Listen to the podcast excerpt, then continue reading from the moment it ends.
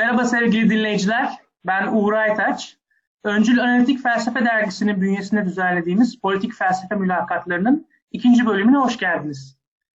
Bugünkü konu Zeynep Pamuk. Kendisiyle bilim, politika ve demokrasi ilişkisi üzerine bir sohbet gerçekleştireceğiz.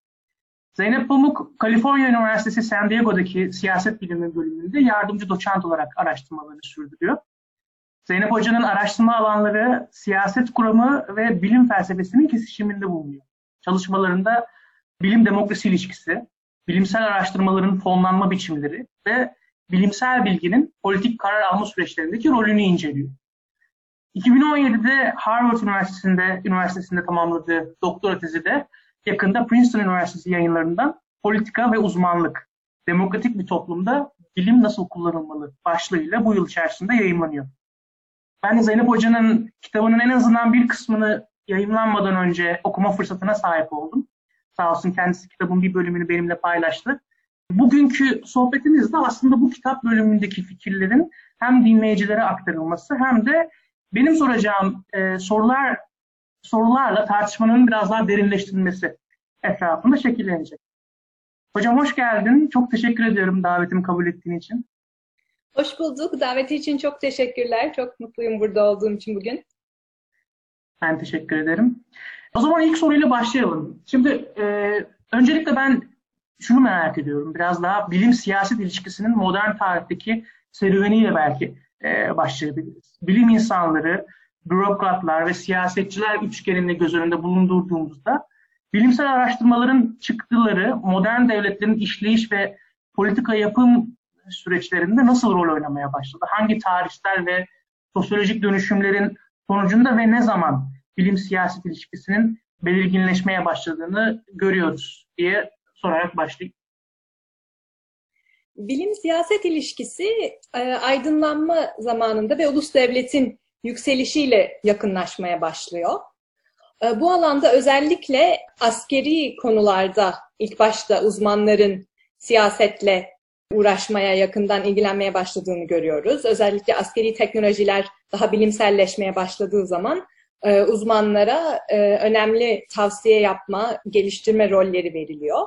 Bu anlamda mesela e, Fransa'da Napolyon dönemi özellikle bilim ve devlet ilişkisi için e, çok önemli bir dönem. Napolyon uzmanlara çok önem veriyor. Her zaman dinlemese de tabii ki uzmanları. E, devlet işlerinde uzmanların rolünün çok önemli olduğuna inanıyor. Mesela o zaman e, mühendislerin kendilerinin bir meclisi var. Birçok e, konu burada tartışılıyor. Askeri meselelerin yanı sıra mesela altyapı projeleri e, uzmanlar tarafından ele alınıyor. Yollar, kanallar, barajlar bunların yapımında uzmanlar söz sahibi oluyor ve birçok alanda e, uzmanlara otonomi veriliyor. E, bu ilişkinin gelişiminde aynı zamanda e, kamu sağlığı çok önemli bir rol oynuyor. Şehirleşme kapsamında e, özellikle salgınların arttığı görülüyor. Ve e, 19. yüzyılda e, bilimin ilerlemesi, kamu e, sağlığının daha iyi hastalıklarla mücadele etme kapasitesinin geliştirilmesi, aşıların bulunması, e, mikrop teorisinin ortaya atılması ile birlikte e, bilim insanları çok daha başarılı bir şekilde e, insanları etkileyen sorunlarla baş edebiliyorlar. Bu bir anda güç e, döngüsünü değiştiriyor. Uzmanlar çok daha saygıdeğer bir konuma geliyorlar. Yani bundan önce mesela doktorlar e, çok ciddiye alınmazken yani yaptıkları e, faydalar biraz belirsizken bir anda insanların hayatını değiştiren, hayatını kurtaran e, girişimlerde bulunabiliyorlar. Böylece uzmanların önemi artıyor. Bu gelişimde bir önemli rolde tabii endüstriyel devrim sonrası teknolojinin e, oynadığı rol. Mesela e, özellikle buharlı makinelerin çalışması, vapur, istimbat, lokomotif gibi e, ulaşım araçlarının kullanımında uzmanlara çok rol düşüyor. Köprüler yapılıyor, mühendislere olan ihtiyaç bir anda çok artıyor. Bütün bu gelişimler toplum, devlet, bilim üçgenini çok daha sıkı ve sağlam bir temele oturtuyor. E, fakat bunların hiçbiri 20. yüzyılın ortasında yani İkinci Dünya Savaşı'ndan sonra Amerika'da ortaya çıkan bilim devlet ilişkisi kadar güçlü değil. Orada bir anda bir dönüm noktası oluyor İkinci Dünya Savaşı'nda özellikle atom bombasının kullanımı ve savaş sırasında bilim insanlarının özellikle de fizikçilerin oynadığı direkt rol e, Amerikan toplumunda bilimin yerini tamamen değiştiriyor. Çok daha güçlendiriyor. Bilim insanları e, bu başarılarının arkasından e, barış zamanı da kendilerine e, fonların aktarılması için e, istekte bulunuyorlar ve e, başkanlar da bunu kabul ediyor. Böylece çok büyük bir e, bilime fon aktarma süreci başlıyor. Yani İkinci Dünya Savaşı'ndan sonra e, bu ilişki yakınlaşıyor. E, aynı zamanda da bilim insanlarından direkt olarak tavsiye alma, bilim kurulları kurma, e, siyasi konularda tavsiye raporları hazırlama mesela kendi başına bir aktiviteye dönüşüyor. Yani bilim insanı sadece yaptığı araştırmayı özetlemesinin yanı sıra yüzlerce bilim insanının bir araya gelmesi ve siyasi konularda e, devlete tavsiye sunması başlı başına bir araştırma alanı oluyor. Böylece e, günümüze kadar gelen bir bilim-siyaset ilişkisindeki yakınlık doğuyor. Evet, o halde e, modern devlet ve endüstriyel devrimle belirginleşmeye başlayan bu ilişkinin İkinci Dünya Savaşı ve 20. yüzyıl boyunca giderek güçlendiğini ve kurumsallaştığını e, görüyoruz demek mümkün belki de. Peki bu tarihsel izlekten hareketle biraz daha günümüze doğru e, yaklaşırsak, özellikle pandemi sonrasında hükümetlerle birlikte çalışan bilim danışma kurulları hem ülkemizde hem de dünyada giderek artan bir görünürlük kazandı desek herhalde yeridir. Ben burada şunu merak ediyorum. Ya, siyasal ve bilimsel otoriteler arasındaki ilişkiyi siyaset dünyası ve bilim dünyası kendi gözlerinden aslında nasıl algılıyor biraz da ve aynı zamanda kamuoyundaki genel algı nedir? Yani siyaset dünyasının algısı, e, bilim dünyasının bu ilişkiye dair algısı ve kamuoyunun genel bu ilişkiyi zihninde kurgulama biçimi. Biraz sanki e, şöyle bir genel geçer anlayış var gibi. Yani siyaset değer yargılarını ve gerekli iradeyi sağlar. E, bilim de bu iradenin gerçekleşmesi için gerekli bilgi, tahmin ve açıklamaları sağlar. Sanki böyle bir iş bölümü e, varmış gibi e, kurgulanıyor. E, siyaset de zaten eşitlik, adalet, refah gibi normatif değerler doğrultusunda kolektif kararların alındığı bir alan olduğu için değerlere dayalı siyaset, olgulara dayalı bilim e, dikotomisi de sezgisel olarak da pek çok insana makul geliyor. Sen de makalende bu görüşten Weberyen e, çözüm e, diye bahsediyorsun. E, sosyolog Max Weber'in görüşlerine atıfta bulunarak. Bu ikili model ve bunun kamuoyundaki, siyaset dünyasındaki ve bilim dünyasındaki genel algısını merak ediyorum ve bir de bu Weberyen çözüm dediğimiz pozisyonun zayıflıkları nelerdir? Ne tür eleştiriler getiriyor? Senin bu, bu görüşe dair, bu paradigmaya dair değerlendirmelerin nelerdir? E, bu Weberyen model dediğimiz e, değer yargısıyla gerçeklerin, olguların arasındaki ikilem üzerine kurulu ilişki hakikaten senin de anlattığın gibi çok yaygın ve e, bilim-siyaset ilişkisinin gelişiminde sanki kabul edilen, hani gerçekten bu model bu ilişkiyi rahatlıkla yürütür, bu iş bölümü işler şeklinde kabul gören bir görüş. buna Weberyen diyorum ben ama aslında bu gerçek değer ikilemi Hume'un ortaya koyduğu bir ikilem. Hume diyor ki e, gerçeklerden yola çıkarak olması gerekenlerle ilgili bir yargıya varılamaz. Bir yanda gerçekler, bir yanda değerler. Yani böylece değerleri sanki gerçeklerle e, açıklanamaz bir konumda görüyor ve bu Hume'un ikilemi e, çok etkili oluyor tabii ki e, kabul gören bir ikilem. Yani bu ikilem e, gerçekten mantıklı ve e, bu model e, 20. yüzyıla geliyor. Weber'in burada yaptığı yenilik, e, teorik gelişme siyasetle bürokrasi arasındaki ilişkiyi bu ikilem çerçevesinde açıklamak ve de normatif olarak kurgulamak. Weber bu ikilemi alıyor ve diyor ki bürokrasinin burada yapması gereken gerçeklerle, olgularla ilgilenmek, e, araştırmayı yapmak, rasyonel, matematiksel, bilimsel e, doğruyu ortaya koymaktır. Siyasi liderler ise değer yargılarıyla ilgilenmeli. Bunun gerçeklerin ışığında alınması gereken kararları onlar yapmalı. Böylece net bir iş bölümü olmalı diyor. Fakat burada Weber'in yaptığının aslında e, bir tavsiye mi yoksa bir e, tarifsel bir çaba mı olduğu konusunda biraz soru işaretleri var. Çünkü Weber kendisi de bürokrasinin siyasetten bu kadar net ayrılamayacağını, her zaman bir arada bir güç çekişmesi olacağını aslında biliyor. Fakat e, bürokrasinin siyasete fazla e, e, siyaset üzerinde fazla etkisi olmasını engellemek için bu modeli öne sürüyor ve bu model kabul görüyor. Model neden kabul görüyor? Çünkü gerçekten mantıklı, zarif bir model. İki değişik tür otoritenin birbiriyle ilişkisini e, ikisinden de faydalanmanın önüne geçmeden kurguluyor. Yani böylece hem bilimsel e, gelişmelerden siyasi otorite faydalanabilecek hem de siyasi otoritenin kendi alanı e, uzmanların üstün bilgileri tarafından ele geçirilmeyecek. Şimdi burada sorun e, nedir? Birinci sorun bu ikisinin bu kadar net ayrılamaması. Bilimin kendisinin de değer yargıları içerebildiği konusunda birçok araştırma var. Özellikle 1960'larda, 70'lerde bilim felsefesinde olan gelişmelerle Kuhn, Lakatosh, Feyerabend arasında gelişen e, bilim değer ilişkisi üzerine e, gelişmeler. Ondan sonra feminist bilim felsefecilerinin ortaya koyduğu bilimin e, erkek egemen değerlerden nasıl etkilendiği konusundaki görüşler bilimin tamamen objektif ve değerlerden arındığı e, düşüncesini biraz değiştiriyor. Aynı zamanda bilimin kendisini e, tarafsız olarak alsak bile bilim siyasette kullanılmak üzere tercüme edildiği zaman mutlaka değer yargıları işin içine giriyor. Ben makalemde özellikle buna odaklanıyorum.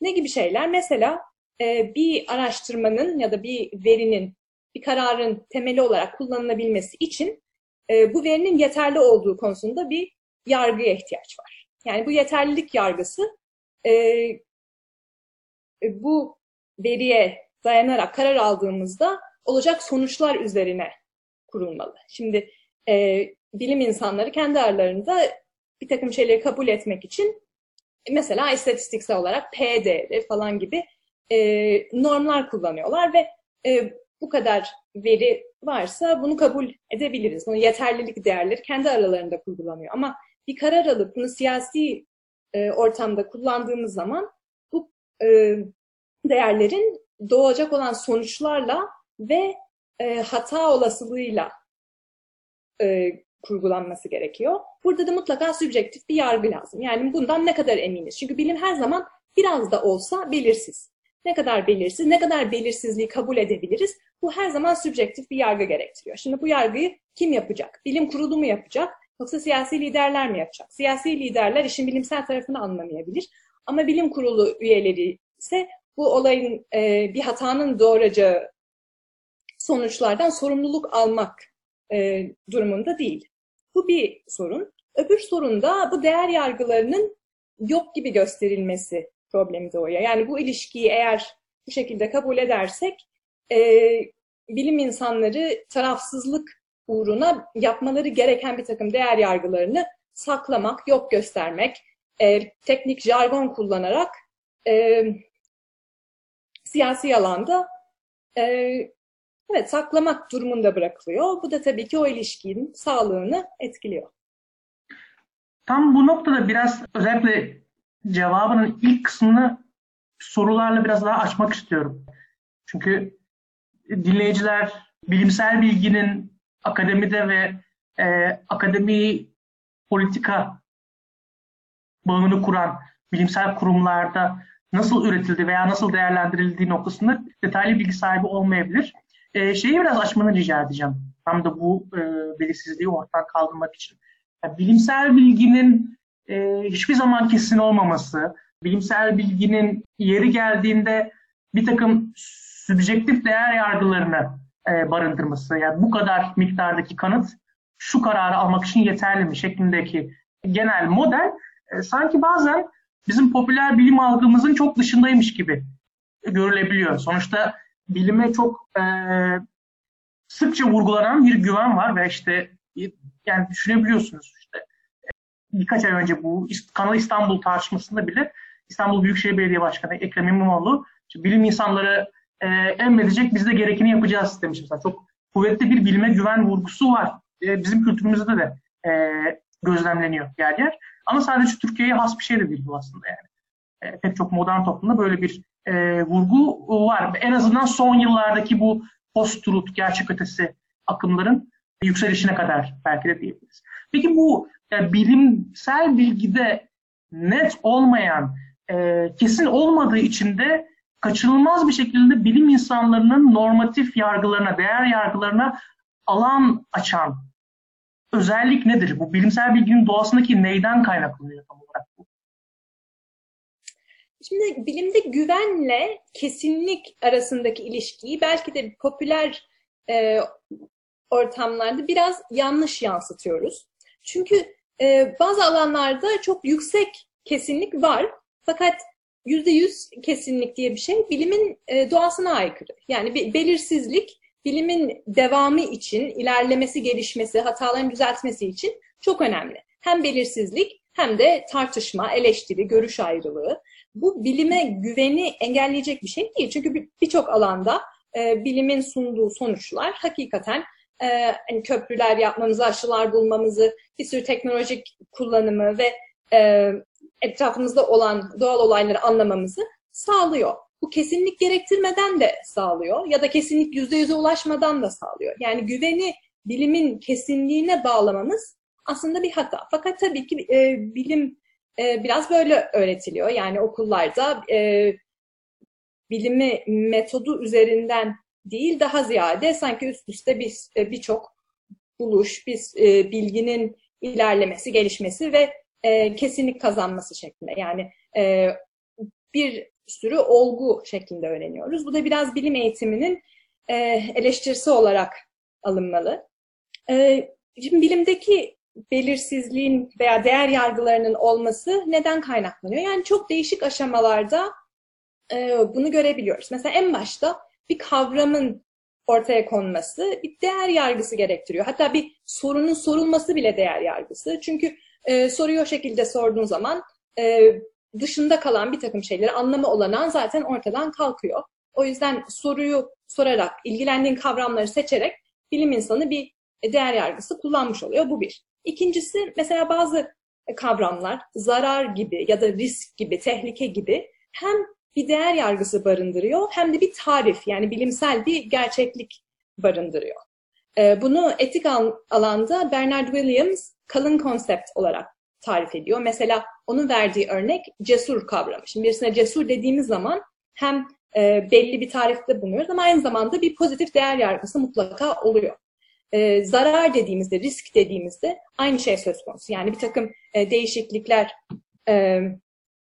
hem anlatılıyor bilimsel doğal değişiklikler hem de bunların kötü olduğu ifadesi var. Mesela bu da bir değer yargısı. Bunun dışında demin bahsettiğim e, bilimsel verinin yeterli olduğu kararı sadece kullanım aşamasında değil, aynı zamanda bilimin gelişiminde de. Mesela e, şimdi e, pandemi sırasında modeller çok kullanılıyor. Mesela bir model için gereken varsayımlar yeteri kadar doğru mu? Şimdi burada yeterlilik bilim insanının kendisinin sübjektif olarak karar vermesi gereken bir şey. Yani ne için yeterli, kime göre, neye göre eğer e, hani bir takım e, politik kararlar vermek için yeterliyse bir türlü e, risklere bağlı olarak e, değerlendirmesi gereken bir şey. Yani uzun vadeli yeterlilik başka, kısa vadeli yeterlilik başka. Eğer birisinin hayatı söz konusuyla yeterlilik çok daha yükseliyor. Ve bu kararların her aşamada verilmesi lazım. Ee, bunun dışında bir de son olarak e, bilim-siyaset ilişkisinde ortaya çıkan bir basitleştirme problemi var. E, bir bilim insanı e, vatandaşlarla veya siyasetçilerle konuştuğu zaman e, mutlaka biraz bahsettiği konuları basitleştirmesi lazım. Ama bu basitleştirmeyi nasıl yapacak? Burada karşısındaki kişinin değerleri ve hedefleri göze alınmadan yapılan bir basitleştirme e, yeteri kadar kullanışlı ve işe yarar bir basitleştirme olmayacak. Ama basitleştirmeyi karşındakini düşünerek yaptığın zaman da onun çıkarları, ilgi alanları, yapmak istediği, yapabileceği e, şeyler, ulaşabileceği hedefler konusunda mutlaka bir varsayım yapmak gerekiyor. Yani bu bu ilişkinin temelinde var. Önüne geçilebilir bir şey değil. Bu bir sorun değil belki ya da sorun olarak düşünülmemesi lazım. Ama burada e, ilgilenilmesi gereken bir mesele var. Bu basitleştirme nasıl yapılmalı? Bir bilim insanı siyasetçilerin, vatandaşların hedefleri ve çıkarları ile ilgili ne gibi varsayımlar yapmalı? Bu varsayımları neye dayanarak yapmalı? Tam da bu noktada aklıma bir örnek geldi. Ee, yanlış hatırlamıyorsam 90'ların ortasında e, İngiltere'deki deli dana salgınıyla alakalı senin yine yanıtının başlarında ifade ettiğin bu risk algısı, hangi riski diğer risklere tercih edeceğiz e, sorusunun aslında normatif bir soru e, olduğunu bence çok güzel örneklendiriyor. O dönemde henüz tam net bilinmiyor galiba ya bu virüs hayvanlardan insanlara geçiyor mu? Bu bir ampirik bir tartışma konusu ve o noktada tabii şeyi çok net görüyoruz. E, belli düzeyde bir kanıt var ve bu kanıt hayvanlardan insanlara virüsün geçtiğini belli bir olasılıkla doğruluyor. Yani evet bir bağ gösteriyor ama bu bağ belli bir olasılıkla doğru. Diğer e, yani kalan olasılıkla da yani 1 eksi x gibi düşündüğümüz x olasılıkla doğru, 1 eksi x olasılıkla da yanlış. Ama tabii burada o olasılığın doğru olması neyi ifade ediyor? Mesela belki de o hayvanlara itlaf edilmesini ifade ediyor ve burada çok net bir çıkar çatışmasını da görüyoruz. Yani et endüstrisinin mal varlığına gelecek bir zarar mı yoksa çok düşük bir risk dahi olsa halk sağlığını önceleyip o maddi zarar pahasına düşük riske duyarlı olup hayvanları itlaf etmek mi veya itlaf edilmese bile tüketiminin önüne geçmek mi şeklinde aslında İngilizce'de trade-off diye tabir ettiğimiz tam olarak e, değer iki değer yargısının iki tercihin çatışma durumunu çok net görüyoruz aslında. Evet çok güzel bir örnek verdin. Hakikaten e, tam anlamıyla da bu. Ben geçenlerde bunu düşünüyordum. Şimdi e, bu pandemi sırasında Danimarka'da sanırım e, benzer bir hayvan itlafı söz konusu oldu. Galiba bir e, bizonlarda bir mutant COVID virüsü bulunmuş ve bunun e, insanlara eğer geçerse çok daha e, önüne geçilemez, çok daha etkili bir salgına sebep olabileceği korkusu yayılmış. Şimdi benzer bir durum var. Şimdi burada tam emin değil bilim insanları bu virüs eğer insanlara geçerse ne gibi etkisi olabileceğinden. Belki de geçmeyebilir. Belki hani vizonları ayrı tutarak e, durumun önüne geçirebilir. Ama bir yandan da eğer eğer ki bu virüs insanlara atlarsa çok çok ciddi bir risk var. Bunun üzerine Danimarka hükümeti milyonlarca vizonun itlaf edilmesine karar veriyor. Bu da benzer bir şey. Yani şimdi vizonun değerine kadar, insan hayatının değerine kadar bu konuda bir yargı verilmesi lazım. Burada e, hayvan-insan e, karşılaştırması var ama dediğin gibi yani genelde bu sadece hayvanda bitmiyor. O hayvanların sahibi, onlardan çıkar sahibi olan e, şirketler var. E, yani iklim değişikliğinde de benzer bir durum var. Bu e, fosil yakıt şirketleri, petrol şirketleri e, kendilerini, kendi çıkarlarını iklim değişikliğinin e, doğru olduğunun kabulü yönünde görmüyorlar. Yani hükümetler belki e, ya da vatandaşlar çok daha erken harekete geçmenin e, taraftarı olabilir. Daha önlem almak konusunda. Yani tam, biz artık kullanmayalım fosil yakıt, e, yenilenebilir yakıta geçelim. Bu karar vermenin birçok insan için hiçbir zararı yok. Hatta faydası da çok. Yani çevrenin temizlenmesi falan yönünde. Ama bir grup insanın çıkarı bu yönde değil. Bu hep buradaki belirsizlikten dolayı. Yani bu e, yüzde yüz bilinen bir şey değil ve çıkarı olan şirketler maalesef doğal olan bilimsel belirsizliği e, manipüle ediyorlar. Yani bu belirsizlik zaten var ama belirsizliğin hem e, oranını daha yüksek gösteriyorlar hem de e, doğal olan e, belirsizliği sanki bu iklim değişikliğinin olduğu versin tersi doğru görünüyormuş gibi yansıtıyorlar. Burada da büyük bir sorun çıkıyor ortaya. Tam bu oranını e, yanlış gösteriyorlar noktasıyla alakalı çok güzel bir örnek var. Rakamları net hatırlamıyorum ama e, bir çalışma var. İklim değişikliğiyle alakalı karşıt görüşlerin medyadaki temsil oranına bakıyor. Ve yani şu an rakamları net hatırlamıyorum ama çok çapraşık bir e, asimetri var. Yani şöyle bilim camiasının yüzde ikisi atıyorum e, iklim değişikliğini inkar ediyorsa veya onu bir şekilde problematize ediyorsa bunların medyadaki temsilleri sanki neredeyse e, iklim değişikliğinin varlığını savunan gruba denkmiş gibi sunuluyor medyada. Yani neredeyse yüzde elli yüzde elli iki eşit ciddiyette bilimsel e, camiayı neredeyse birbirine yakın düzeyde temsil edecekmiş derecede medyada bir görünürlük kazanıyorlar ki bu da tam işte o oranları çarpıtma noktasındaki tartışmaya çok somut bir örnek teşkil ediyor. Evet çok haklısın. Medya bu konuda yeteri kadar sorumlu davranmadı. Bu bir gerçek. Yani bu e, iki tarafın da sanki arkasındaki kanıt veri oranı benzermiş gibi sundular.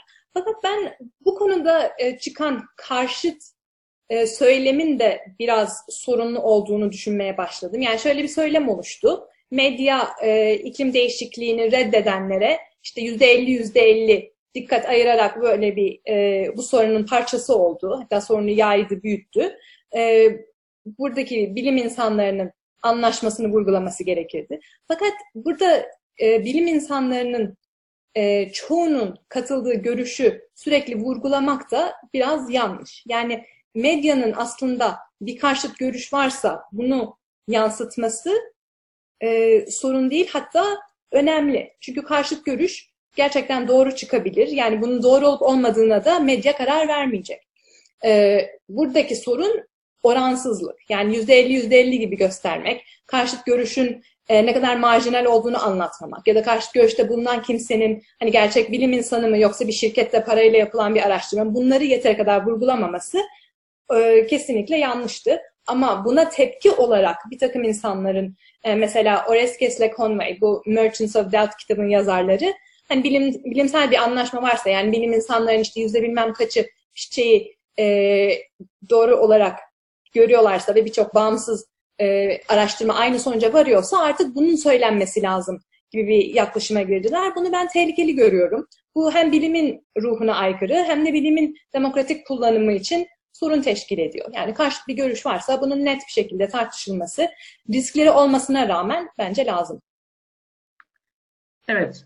Peki o zaman biraz bu yani sanki şey düzleminde netleştik gibi. Yani e, bilim politika ilişkisinde bu olgular, değerler ayrımının o kadar da net isabetli çizilemediği bilim insanlarının veya bilimsel otoritelerin politikalın alanına e, yer yer girmesinin bu ilişkinin doğasından kaynaklı olarak kaçınılmaz olduğunu gör, görüyoruz. Konuştuk bununla alakalı. Biraz da bu ilişkinin demokrasi bakımından ne ifade ettiğini konuşalım istiyorum. Yani bilim siyasi ilişkisindeki bu iç içe geçmişlik demokrasi bakımından bizlere ne söylüyor? Danışma kurullarında örneğin e, salt olgulara dayalı bilimsel bulgular ile değer yargılarını keskin bir şekilde ayıramıyorsak bu demokrasi bakımından bir problem midir? Evet bence bu demokrasi bakımından kesinlikle bir problemdir. Çünkü bu Weberian modelin e, zarif ve mantıklı olmasının sebebi bu iki otoriteyi birbiriyle nasıl ilintilendirebileceğimizi göstermesi ve ikisini ayrı tutması. Fakat eğer bilim tarafında değer yargıları varsa bu demek oluyor ki siyasi olarak karar vermesi gerek, e, gere, karar verilmesi gereken e, meseleler, işte senin bahsettiğin gibi trade-off'lar, çıkarlar arasındaki çatışmalar bilim düzeyinde, daha bilim aşamasındayken biraz da olsa e, düşünülüyor, karar veriliyor. Yani bu bilim insanları oturup değer yargılarını düşünüyorlar şeklinde değil ama bahsettiğim gibi kavramların tanımlanması, e, yeterlilik kararlarının, yargılarının verilmesi, basitleştirme aşaması falan gibi noktalarda e, siyasi kararlar veriliyor ve bu siyasetçilere aktarıldığı zaman önemli bir şekilde sınırlandırılmış oluyor. Yani böylece vatandaşların e, hedefle, hedefleyebilecekleri şeyler belki biraz kısıtlanıyor. Ya da mesela bazı çıkarlar öne çıkıyor. E, çevrecilerle büyük şirketler arasındaki durumda şimdi yeterliliğini ne taraftan çizersen biri veya öbürü mutlaka e, daha avantajlı duruma düşecek ve bu karar daha bilim kurulu aşamasındayken veriliyor. Bu demokrasi için çok problemli bir şey. Bilim insanlarına e, sahip olmamaları gereken bir siyasi otorite veriyor ve aynı zamanda da bu otoriteyi e, bir nevi saklıyor ya da bunun şeffaf bir şekilde tartışılmasını engelliyor. Tabii burada yani kötü niyet kesinlikle atfetmiyorum kimseye ama bilimin çok e, anlaşılması zor olması, çok e, teknik, jargonlu olması demokraside çok önemli olan e, liderleri, otoriteleri hesaba tutma zorunluluğunu daha güç kılıyor. Yani bir vatandaşın orada bilim kurulunda olan tartışmaları e, görmesi, kendi başına araştırmaları okuyup anlaması zor. Bu nedenle de demokrasinin alanı darlaşıyor. Belki burada bir parantez açmak faydalı olur. E, demokrasiden ne kastettiğimiz de bence e, önemli. Yani şimdi şöyle diyebiliriz, değil mi? E, demokrasi sadece bir başlangıç düzeyinde yani diyelim ki T1 zaman diliminde her yurttaşının, her e, seçmenin belli tercihleri var. Bu tercihler toplanıyor. E, belli adaylarda e, belli adaylara destek şeklinde kanalize oluyor ve o adaylar seçiliyor, siyasetçiler yetkilendiriliyor ve o demokratik olarak yetkilendirilmiş siyasetçiler bir sonraki döneme kadar bu seçmen tercihleri doğrultusunda elinden geleni yapıyor.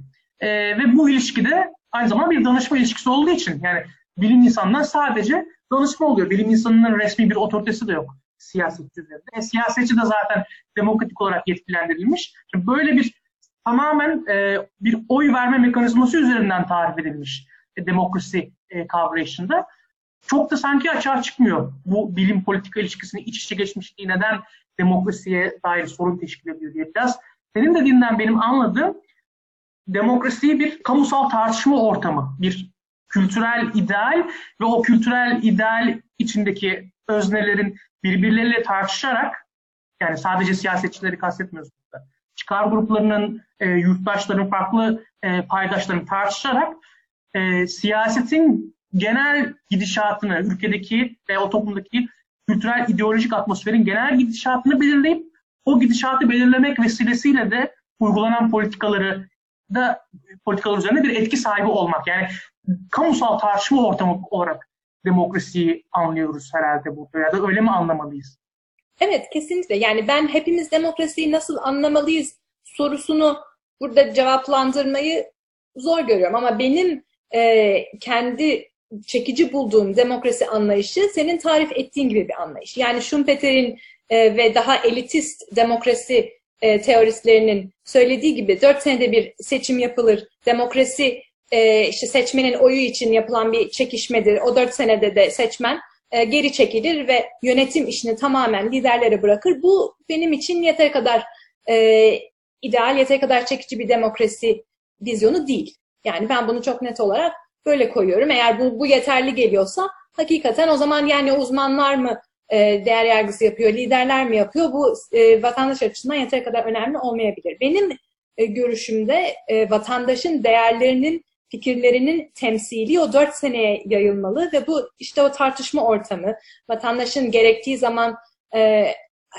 hem siyasi tartışmayı takip etmesi, bilgilenmesi, gerektiği zaman direkt katılması şeklinde gelişen bir ilişki. Yani bu demek değil ki her vatandaş her kararı inceleyecek, her kararın bilimsel temelini anlayacak. Böyle bu kadar e, gerçek dışı bir e, idealim kesinlikle yok. Fakat bazı e, sivil toplum kuruluşları, aktivistler, çevreciler e, veya e, yani alanına göre işte e, başka bilim insanları da olabilir. Yani birilerinin hükümeti ve bilim insanlarını hesaba tutması, tutabilmesi şart. Bu bilginin kamu alanında olması şart. Böyle bir ideal düşünüyorum ve burada hem vatandaşlara rol düşüyor hem de hükümete rol düşüyor. Yani e, dinlemek, anlamak, e, verilen tepkilere, e, baskılara e, karşılık vermek bunlar çok önemli. Yani seçimden seçime bir demokrasi e, düşlemiyorum ben şahsen. Biraz da şu, sanki o zaman şöyle bir ilişki var gibi yani e, kamusal tartışma ortamını depolitize ediyor. Bilimsel söylemin bu kadar siyaset ve ideoloji üstü olarak kurgulanması. Burada peki ya bu bilimsellik kisvesinin zırhı nereden geliyor? Yani evet kamusal alanda biz bilimi kısmen ideolojik, kısmen politik olarak gördüğümüzde belki daha rahat eleştiriyoruz. Peki böyle olmasaydı bilimi eleştirmek imkansız mı olacaktı veya daha mı zor olacaktı veya daha zor olacaktıysa neden? E, biraz açabilir misin? Bilimin zırhından kastın nedir? Yani nedir bu zırh? Ya şöyle bir sanki benim kafamda imaj canlanıyor. Yani bilimin bir otoritesi var. Bu otorite siyasetten bağımsız, siyasal otoriteden bağımsız. Ve bilim bir şekilde kamusal alanda eleştirilemiyor. Ee, ve kamusal tartışma ortamının daraltılmasında demokrasi bakımından problemli buluyoruz. Bu konuda hemfikirim. Ve şöyle bir e, soru işareti var şu anlamda. Bilimi kamusal alanda tartışmaya açmanın yegane yolu aslında bilimin sadece bilimden ibaret olmadığını göstermekmiş gibi gözüküyor. Buna neden muhtaçız? Ee, ya da bu olmasa bilimin sadece bilimden ibaret olduğunu göstermeden de bilimi eleştirmeye kalkarsak bunun zararı veya yan etkileri olur mu? Şimdi bilimin aydınlanmadan beri bizim gerçek olarak kabul ettiğimiz şeyleri özellikle e, doğa-insan ilişkisinde e, bunları açıklamak için neredeyse bir otonomisi oluştu. Yani eskiden tamamen belki dinin elinde olan e, insanların e, evrenle ilgili, çevreyle ilgili sahip olduğu sorulara yanıt verme otoritesini bilim çok başarılı olarak sorulara hakikaten e, mantıklı, gösterilebilen, kanıtlarla e, desteklenebilen cevaplar vermesi ile kendine bir otorite oluşturdu. Yani bu otorite gizemli bir otorite değil kesinlikle. Bilimin metodundan ve başarısından kaynaklanan bir otorite.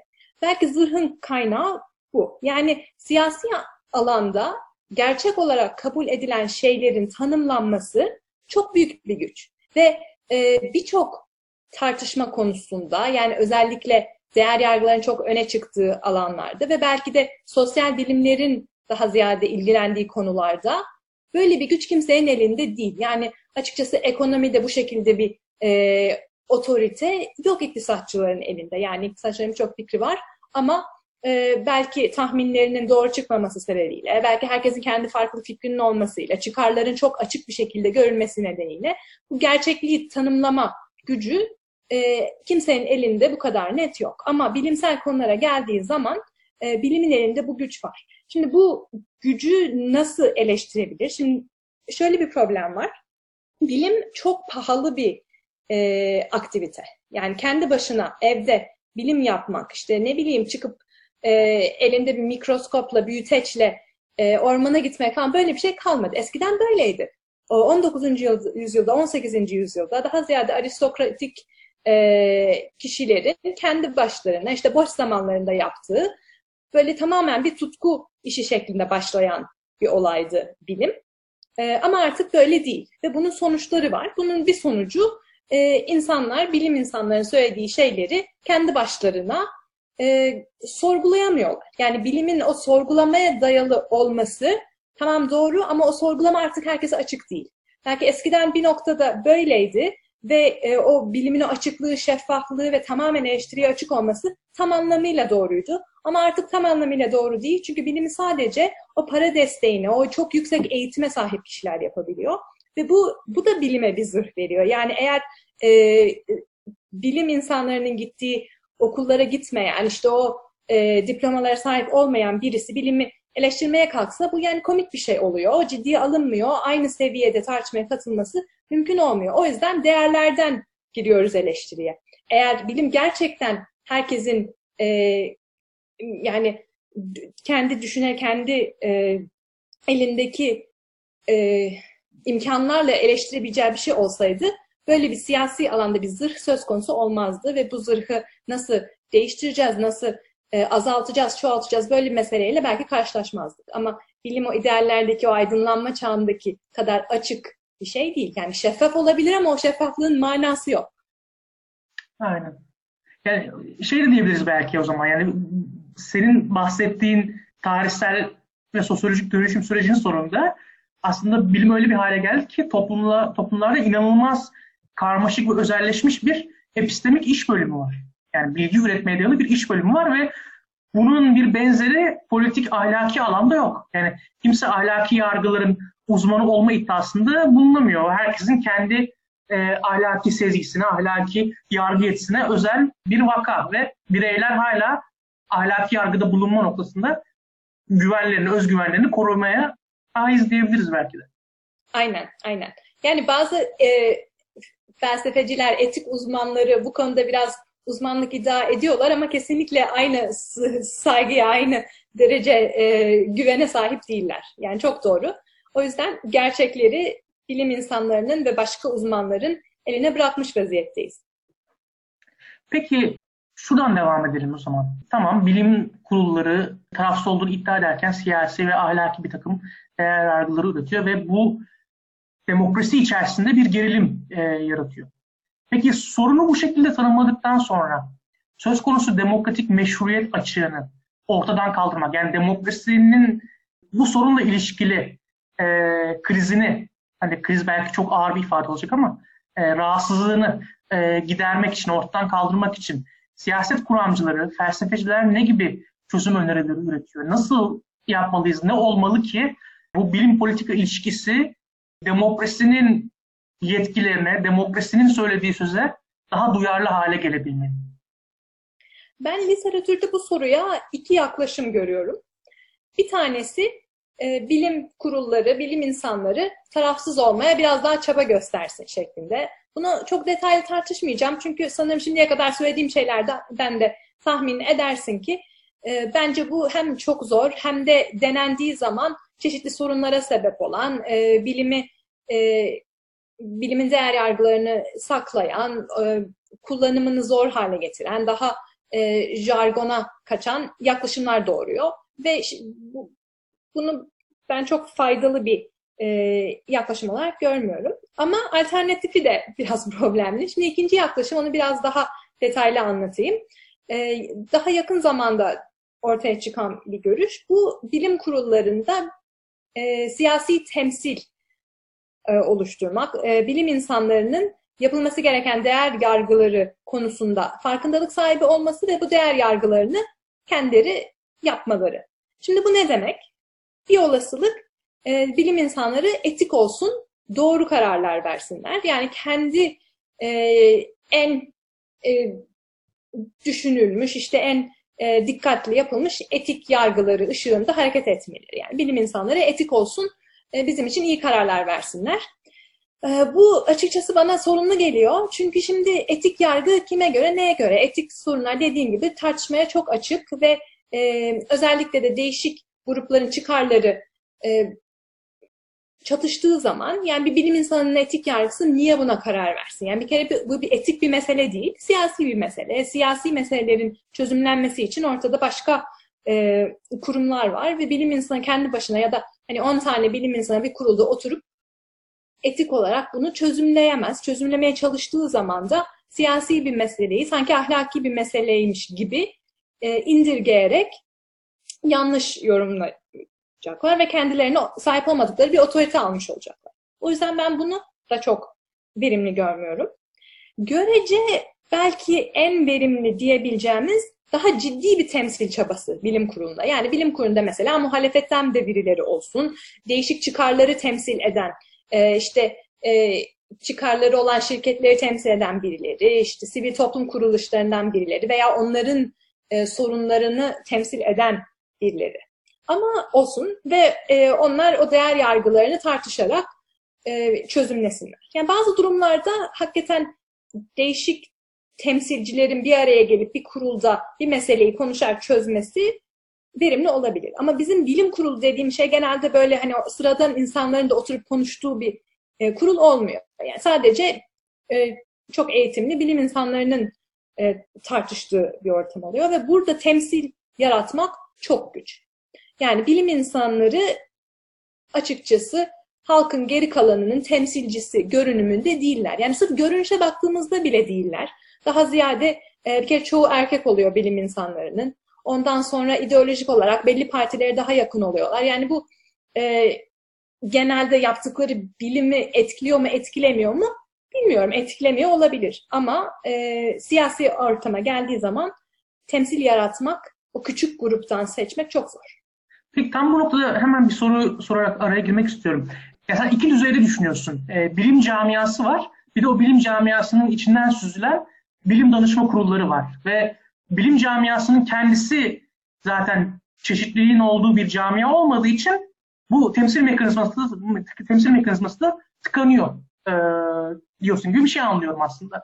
Peki burada bilim camiasının kendisini problematize etmek ve bilim camiasını e, daha fazla kadının, daha fazla azınlığın, daha fazla işçi sınıfı kökenli veya düşük sosyoekonomik e, kesimden gelen o ailelerden gelen bireylerin bulunduğu daha çeşitli perspektifleri barındıran bir dönüşüm üzerinden tarif edip yani bunu bir normatif ideal olarak tarif edip tartışmayı buraya çekip buradan bilim politika ilişkisine kurma girişimi hakkında ne dersin?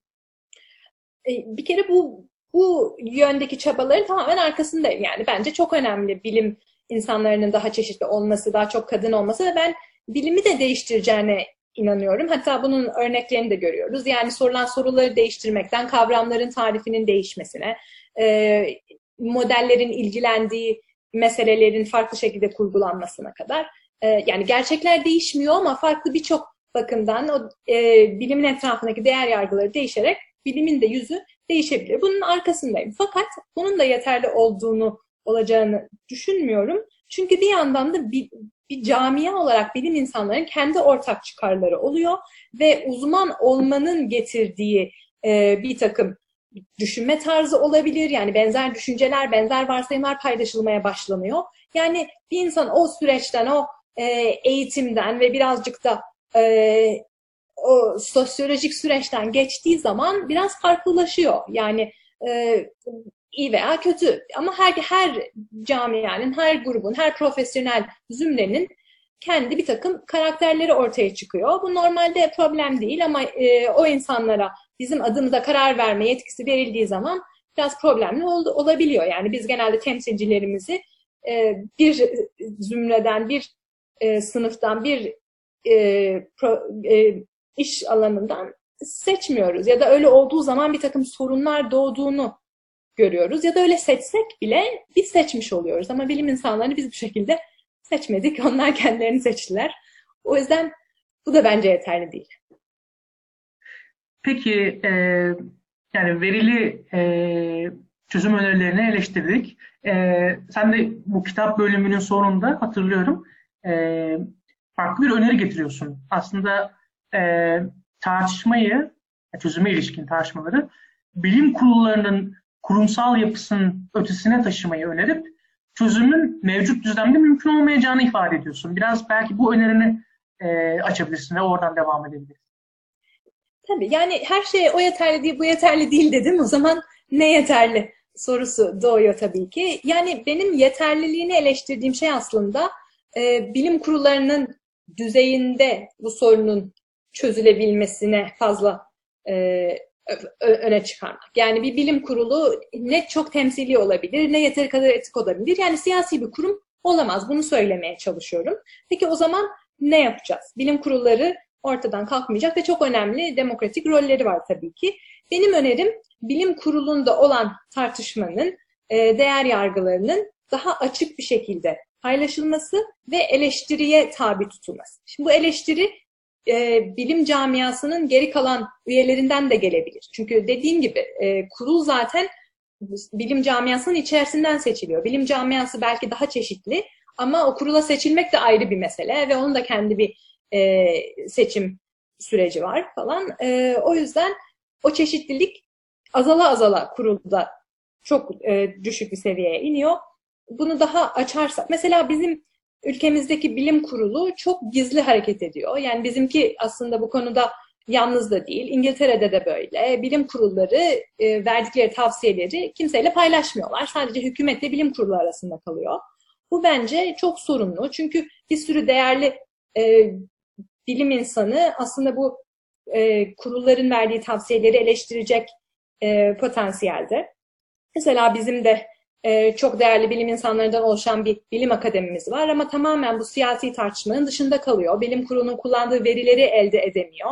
E, gereken bilgiye sahip değil. Bu bir değerden faydalanamamız anlamına geliyor. Ama sadece bilim insanları arasındaki bir tartışma da değil. E, aynı zamanda vatandaşların da burada e, olan tartışmanın parçası olması. Mesela özellikle de görüş ayrılıkları üzerinde. Şimdi mesela sıkı karantina kuralları pandemi sırasında çok konuşuldu. Ama e, bir vatandaşın bunun arkasındaki bilimsel e, açıklamayı anlaması e, anlama olanağı olmuyor. Yani karantina önüne sunuluyor ve hani budur artık bu politika izleniyor deniyor. Bu biraz sorunlu çünkü kimin çıkarları öne çıkıyor, kimin için iyi, kimin için kötü, bu karantina ne gibi kötü sonuçlar doğurabilir bunlar tartışılmıyor. Ve benim vurgulamak istediğim bunların tartışılması, benimsenmeyen politikaların, konuşulmayan alternatiflerin biraz daha öne çıkması, özellikle de e, muhalif görüşte olan hem bilim insanlarının hem de e, değişik muhalif görüşte toplumda e, temsil bulamayan görüşlerin e, daha temsil bulabileceği bir düzen olması. Yani biraz daha hem açıklık hem de e, eleştiri, tartışma e, düzleminin sadece bir kurulda değil, bütün toplum düzeyinde olması. Şimdi biraz da şöyle çerçevelendirmek mümkün sanki. Yani şimdi bilimi tartışalım dendiğinde hep e, aklı şu geliyor yani uçsuz bucaksız sınırsız bir çoğulculuk. Yani en irrasyonel fikirlerin de e, bilimin olumlu bulduğu, onayladığı fikirlerin de aynı düzlemde tartışıldığı bir fikirler demeti, sepeti. Şimdi bu da değil tam olarak senin önerdiğin. E, aslında ben biraz şöyle anlıyorum.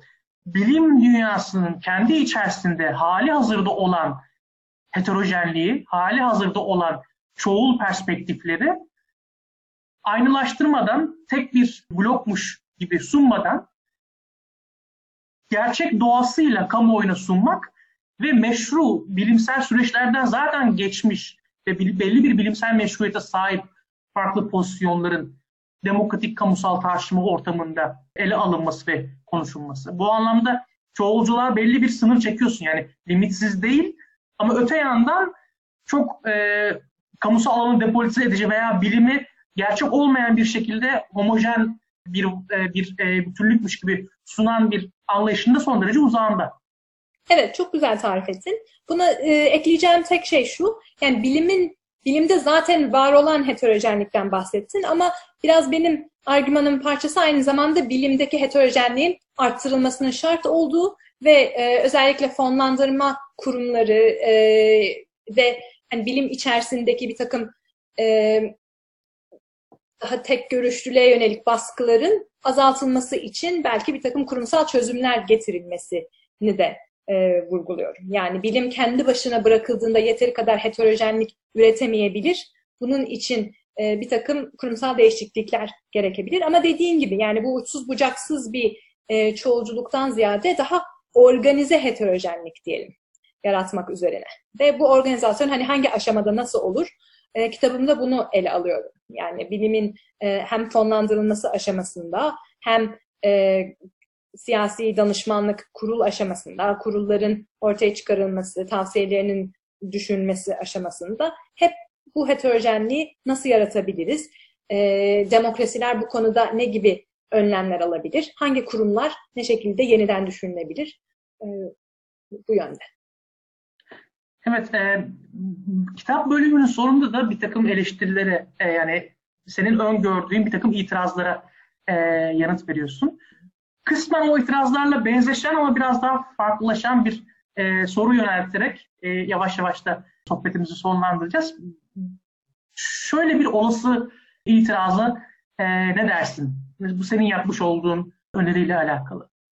Şimdi kurulda azınlık görüşünü savunan e, bilim insanları pozisyonlarını belli bilimsel gerekçelere dayandırıyor. E, ama aynı zamanda normatif gerekçelerde yani tam olarak neyin ne olduğunu kamuoyu tam da bilemeyebilir. Yani e, epistemik gerekçelerle de yani kanıtlara dayalı bazı gerekçelerle de ayrışım olabilir ki bu aslında herhalde daha az. E, çünkü o, o, o noktada konsens üretme kabiliyeti daha fazlaymış gibi bilimsel e, camianın. Ama bir de işte normatif veya örtük normatif değer yargılarından kaynaklı bir e, fikir ayrılığı da olabilir ve bilim insanları, azınlıkta kalan bilim insanları ayrılıklarını bir takım gerekçelerle e, her iki kamptan da e, gerekçeler ödünç alarak e, kamuoyuna duyurabilir. Öte yandan bu gerekçeler demokratik tartışma ortamının harareti içerisinde özellikle yanlış anlaşılabilir. Örneğin kurul içerisindeki görüş ayrılığının kaynağı normatifken kamuoyu bir görüşün diğerine aleyhte kanıt oluşturduğunu düşünebilir. Ya da çıkar grupları azınlıktaki uzman görüşünü e, manipülasyon amacıyla kullanır. Örneğin daha riskli bir politika önerisi yapan azınlıktaki uzman fikri çoğunluk fikrinin sunduğu kanıtları sanki yanlışlıyormuş. Sanki onun ampirik geçerliliğini azaltan bir iddiaymış e, gibi sunulursa ki aslında öyle değil. Mesela diyelim ki risk tercihlerinden kaynaklı normatif bir fikir ayrılığı var Ama kamuoyu tartışmasının hararet içerisinde bu sanki iki ampirik kanıt seti birbiriyle çelişiyor ve biri diğerini yanlışlıyormuş gibi bir e, sunum ortaya çıkması durumunda. Yani birincisi böyle bir tehlike risk var mı sence? Böyle bir istismar ortaya çıkabilir mi ve böyle bir istismarın ortaya çıkması durumunda bununla nasıl baş etmek gerekiyor? Kesinlikle böyle bir risk var e, ve olduğunda sık sık görüyoruz. Yani yanlış anlaşılma, istismar bu olasılıkları ortadan kaldırmamız mümkün değil. Fakat önüne nasıl bunları nasıl azaltabiliriz? Hem etkilerini nasıl azaltabiliriz hem de e, yani mümkün olduğunca bilinç nasıl yaratabiliriz böyle risklere karşı? Bu konuda e, hep düşünüyorum. E, mesela bir takım konularda e, tartışmaların daha net olabileceği ve e, daha ihtiyatlı, daha e, mesela yüz yüze tartışma şeklinde geçebileceği işte e, vatandaş jürileri gibi öneriler çıkıyor. Ben bunlara sıcak bakıyorum. Böyle ortamlarda e, küçük de olsa bir grup vatandaş e, bir takım önerileri, bilim insanlarının birbirlerine sundukları eleştirileri, azınlık görüşlerin ne dediğini, buradaki değer gerçek ilişkisinin durumunu daha net inceleyebileceği bir ortam oluyor. Yani buradaki e, en büyük katkı vatandaşın daha iyi anlayabileceği epistemik bir ortamın oluşturulması. E, sivil toplumda yani o hararet içerisinde senin dediğin gibi bunun anlaşılması zor olabilir. Bir takım daha sakin, düşünceli ortamlar e, anlayışı arttırabilir. Burada medyaya da çok önemli bir rol düşüyor. Dediğim gibi medya e, görüş ayrılıklarını saklamamalı, vurgulamalı ama bir yandan da sorumlu bir şekilde yani medya kendi e, genelde gazeteciler daha eğitimli yani en azından bir takım doğruyla yanlışı ayırt etme konusunda deneyimli kişiler oluyor. Onlara da çok rol düşüyor. E, bilim insanları arasındaki görüş ayrılıklarının kaynağını, gerekçesini, e, yapılan varsayımları daha e, iyi bir şekilde aktarmak medyanın da sorumluluğu diye düşünüyorum. Buna ek olarak e, tabii ki bilim eğitiminin biraz değişmesi. Yani vatandaşın bilimden anladığı şey e, sıra sıra olgular olmamalı. Bu eleştirel bakışın, bu belirsizliği kabul etmenin, tartışmanın her zaman süre gelmesinin güveni azaltacak bir şey olmamasının biraz daha eğitim yoluyla verilmesi. Yani bu konuda bir takım e, pozitif çalışmalar oldu. Özellikle belirsizliğin güveni azaltmadığı, belirsizliğin açık bir şekilde, dürüst bir şekilde e, kamuyla paylaşılmasının bilime olan güveni azaltmadığı yönünde yeni çalışmalar var. Bu bence gerçekten çok ümit verici. Çünkü belirsizlik söylendiği zaman bilime güven düşüyor. Bu çok kabul edilen sanki e, hani herkesin e, sezgisel olarak kabul ettiği bir şeydi. Ama bunun doğru olduğunu aslında bilmiyoruz. Doğru mu değil mi? E, bilimsel iletişim konusunda çok daha e, araştırma yapılacak e, konular var. Bu önemli. Bunun dışında son söz olarak da yani yanlış anlaşılma riski var diye e, çoğunluğun, bilim insanlarının, bir kurulun çoğunluğunun benimsediği kararı bu doğrudur, bu kesindir diye yansıtmak çok büyük risk taşıyor. Çünkü bu karar doğru olmayabilir. Yani bilimde garanti yok. Özellikle de hızlı gelişen ve çok belirsiz olan konularda. Yani burada ayrım yapabiliriz çok net. Bazı konular çok daha belirsiz.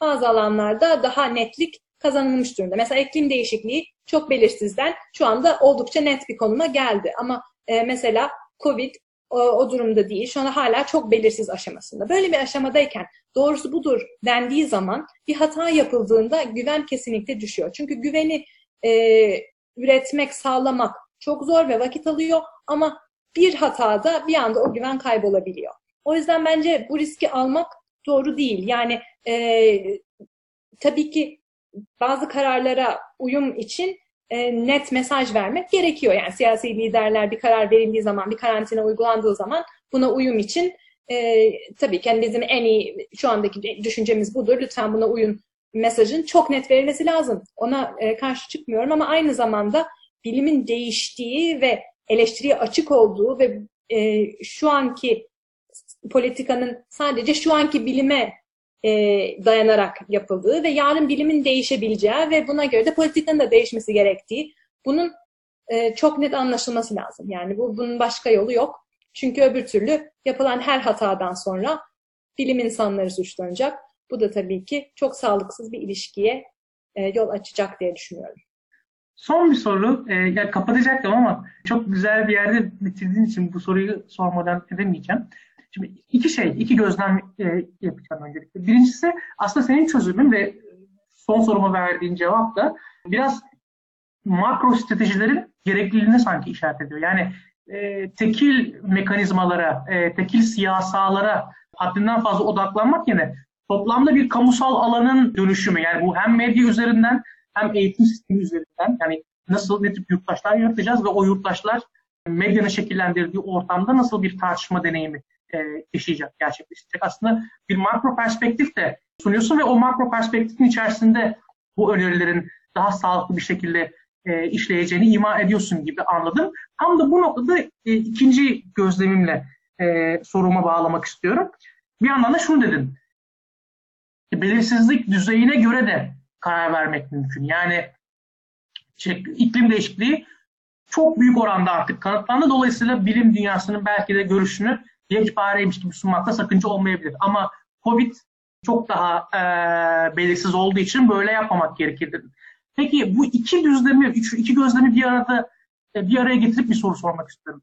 Bu belirsizlik düzlemine yani e, belli bir baraj noktası var. O baraj noktasından daha az belirsizse diyoruz ki mesela tamam bu bilim dünyası yekpare böyle düşünüyormuş gibi davranalım.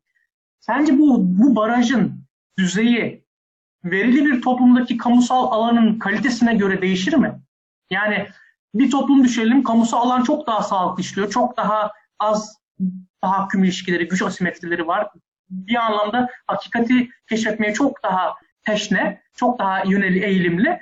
Bir başka toplumun kamusal alanıysa çok daha vahim e, güç eşitsizlikleri, belki ekonomik eşitsizlikler, belki özel çıkar gruplarının çok daha orantısız bir şekilde etki sahibi olması gibi e, örneğin e, sorunlara çok sağlıksız ve polarize bir kamusal alandan bahsediyorsak belki o zaman bu bahsettiğimiz barajı yani hangi belirsizlik noktasından sonra bilimsel bilim camiası sanki yekpareymiş gibi davranabiliriz sorusuna vereceğimiz cevap değişir mi acaba? Bilmiyorum ben evet demeye biraz çekiniyorum bu soruya. Çünkü şimdi teorik olarak baraj e, çizebiliriz. E, yani bir takım verilere dayanarak belirsizliği ölçebiliriz. E, bunlar felsefi düzeyde yapılması daha kolay olan şeyler. Fakat pratiğe geldiğimizde soru şu, buna kim karar veriyor? Neye dayanarak karar veriyor? O kişinin kendi çıkarları ışığında hareket etmediğini nereden biliyoruz? Yani şimdi bunu bilim kurulu karar versin desem e, bilim kurulu her zaman aa bu yani bu ortam hiç hiç sağlıklı değil. Hemen yanlış anlaşılacak. Biz çok net kendi mesajımızı verelim şeklinde yapmak yönünde e, olacak. Yani zaten benim argümanım tamamen buna karşı. Peki o zaman e, siyasi liderler bunu yapsak dersek bu çok antidemokratik olur. Yani babacı bir hükümet olacak. İşte aa, bu bilimi bizim vatandaşlar anlayamaz. Ortam sağlıksız. Bu sefer onlar bunu kendi ellerine alacak. O zaman onları hesaba tutmak, e, ne yapıp ne yapmadıklarını anlamak çok zorlaşacak. Onlara da bırakamayız. Yani vatandaşa bırakmak zaten onun o, o ne demek? Yani vatandaşla paylaştığında zaten artık baraj kalkmış demek. Yani onlara güveniyorsun demek. Yani o, neticede benim e, herhalde diyeceğim yine onlara güvenmek lazım diye. Yani tabii ki bilim insanları bu barajları vurgulamalı, bir e, belirsizliğin oranını anlatmalı her zaman. Yani herkes kendi yargılarını kullanarak ve yani şimdi e, birazcık burada felsefecilere de bir rol vereceğim. Yani felsefenin gösterdiği şeyler ışığında bu baraj nereden çıkılabilir, e, çizilebilir, nereye çizilebilir diye düşünerek herkes kendi yargısını kullanmalı. Yani böyle barajlar olduğu ve e, değişik tür bilimin, değişik tür siyasi e, tutumları e, doğrulayacağı yargısı herkesin kendine bırakılmalı demek zorunda görüyorum. Yani bilmiyorum soruyu soruşundan belki sen birazcık evet böyle bir ayrım yapsak yani herkes e, herkese uygun değil bu açık bilim tartışması gibi bir şey yönüne doğru gidiyor gibiydi ama ben hakikaten bunu kabul edemiyorum çünkü çok yani ki ne şekilde yapsak bu yargıyı çok başka sorunlar çıkacağını hissediyorum. Bu kararı vermek e, hakikaten çok zor bir iş. Herkesin kendine göre vermesi lazım. E, o yüzden vatandaşlarımıza güvenmek zorundayız. Onların daha eğitimli olması, bilim programlarını biraz takip etmeleri, bilim insanlarının tartışmalarını televizyonda görmeleri e, ve sonra da bu kararları sorumlu olarak kendi başlarına vermeleri lazım diyorum. E, çok naif olduğu falan gibi bir eleştiri geliyor gibi hissediyorum. Yani bunu bu eleştiri sık sık doğrultuluyor bana ama biraz da güvenmek lazım demokrasiye, vatandaşlarımıza. Bu iyi bir son söz olacak diye düşünüyorum. Zeynep Hocam çok teşekkür ediyorum. Çok keyifli ve doyurucu bir sohbet oldu. Aynı zamanda e, yani önceden dinleyiciler belki bilmiyordu. Yani önceden bir takım sorular hazırlamıştım. Kafamda bir şeyler vardı ama aynı zamanda sohbetin gidişatı içerisinde de o an aklıma gelen pek çok e, soru sorma fırsatı da oldum. Kendi merak ettiğim, kafamı kurcalayan. Tekrar teşekkür ediyorum davetimi kabul ettiğiniz için. Son ek olarak eklemek istediğiniz şey var mı? Ben de sana teşekkür etmek istiyorum Uğur. Bu soruları hazırladığım, bu kadar güncel bir konuyu benimle tartışmak, konuşmak istediğin, e, yorumların, eleştirilerin için çok teşekkürler. Benim için de çok keyifli bir deneyimdi. İnşallah dinleyicilerimiz de memnun kalırlar, bir şeyler öğrenmişlerdir diyorum. Teşekkürler. O zaman yavaştan ikinci bölümümüzü kapatalım. Sevgili dinleyiciler, e, politik felsefe mülakatlarının ikinci bölümünün sonuna geldik. Söyleşimizi beğendiyseniz sosyal medyada ve çevrenizde paylaşmanız bizleri mutlu eder. Bir sonraki bölümde görüşmek üzere. Hoşçakalın.